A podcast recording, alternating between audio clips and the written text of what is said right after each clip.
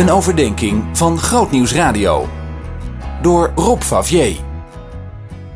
Je bent de jongste van het gezin, je hebt een aantal stoere broers boven je en toch word jij eruit gepikt om niets minder te worden dan de koning van Israël. Ga er maar aan staan. Oké, je hebt ook nog een mooi visitekaartje afgegeven door de geweldenaar Goliath te doden, maar dan nog, ben je niet veel te jong en onbezonnen? David was inderdaad wel een wilderik. Hij wordt gezien als de koning van Israël, maar hij heeft ook wel wat foute dingen gedaan.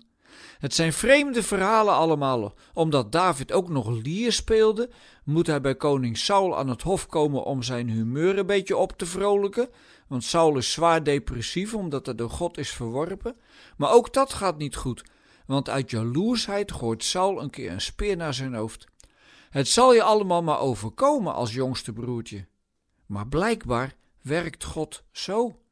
Er staat een mooie opmerking in 1 Samuel 16, vers 7.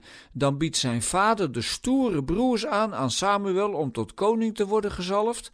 En dan zegt Samuel dat het God niet gaat om wat de mens ziet, want de mens kijkt naar het uiterlijk, maar de Heer kijkt naar het hart. Blijkbaar ben je dus tot veel in staat als je hart de goede gesteldheid heeft. Het komt steeds weer voor in de Bijbel dat God een totaal andere lijn volgde dan mensen. Het is vaak de jongste waar hij mee doorgaat, of een kind dat uit onvruchtbare ouders wordt geboren. Het zijn van die lijnen waar wij niets mee zouden doen. Daar moet toch voor ons de uitdaging in zitten om de boel ook te durven omdraaien. Ik denk dan aan de vraag hoeveel ouderen kunnen leren van jongeren. Meestal doen we of het andersom is en als je kinderen nog heel klein zijn is dat ook logisch. Maar op een gegeven moment kunnen jongeren een nieuwe wind laten waaien over de wereld. Denk aan Greta Thunberg, wat je ook van haar opvattingen vindt. Laatst ontmoette ik bij een kerkdienst de studenten van 20. Ze studeert culturele antropologie en wilde graag een kind gaan sponsoren van World Vision, waar ik zojuist toe had opgeroepen.